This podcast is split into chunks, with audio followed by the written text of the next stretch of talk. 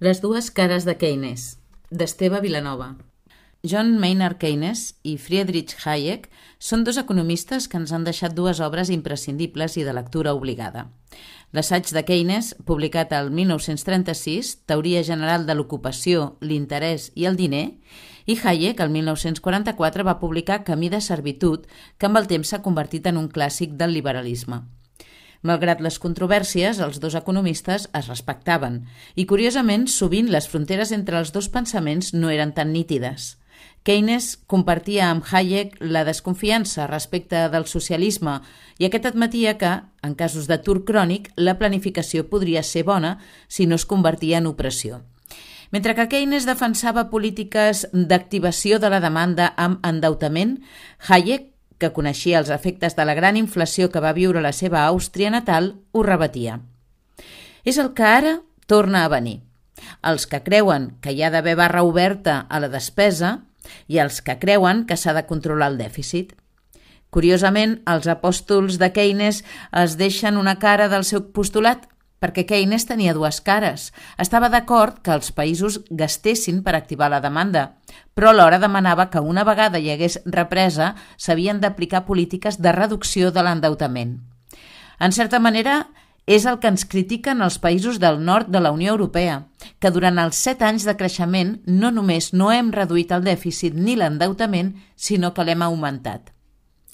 Però ara estem al vell mig de la nova crisi i utilitzant les sàvies paraules de Titus Livi, oblidem el que ja ha succeït perquè ho podem lamentar però no refer, en aquest moment cal actuar amb fermesa i decisió per aturar, al màxim que en sigui possible, els efectes socials i econòmics que tindrà la pandèmia i per això caldrà decisió i molts diners.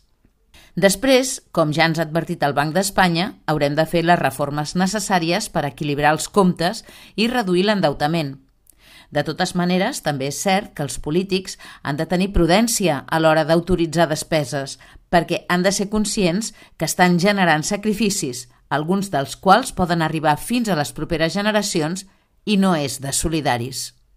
Un fet que genera molta angúnia és veure com molts dels responsables del món econòmic s'han situat en un encefalograma pla – no entenc com davant d'aquesta situació van passant els dies i sembla que estiguin confinats i allunyats de la realitat que s'està produint.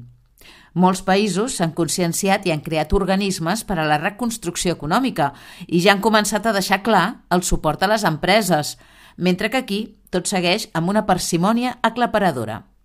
No tinc cap mena de dubte que el gran èxit que ha tingut i té el sector sanitari per superar la crisi, que ha estat gravíssima, ha estat perquè la gestió dels hospitals l'han portat els professionals de la sanitat i no els polítics.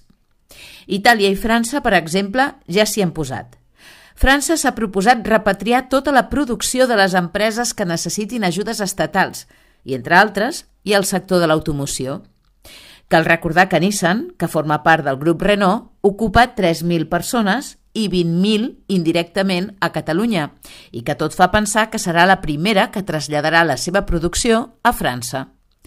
Després tenim Peugeot, Citroën, Opel, que formen part del grup PSA, que ja estan en el focus del ministre d'Economia i Finances francès, Bruno Le Maire, que en una entrevista a la ràdio BFM Business va deixar clar el sector de l'automòbil si volen rebre ajuts públics, necessiten repatriar la producció dels seus vehicles. El govern francès vol concentrar a França tota la producció dels cotxes per entrar en la nova era dels elèctrics, que són els del futur. La diferència entre ells i Espanya és que França aprofita les ajudes per reindustrialitzar-se i el govern espanyol ha aprovat una ordre perquè les empreses espanyoles amb seus als paradisos fiscals també puguin tenir ajudes de l'Estat, sense cap condició. Això potser ens dona una pista d'aquesta paràlisi. Allà mana el ministre i aquí l'IBEX 35.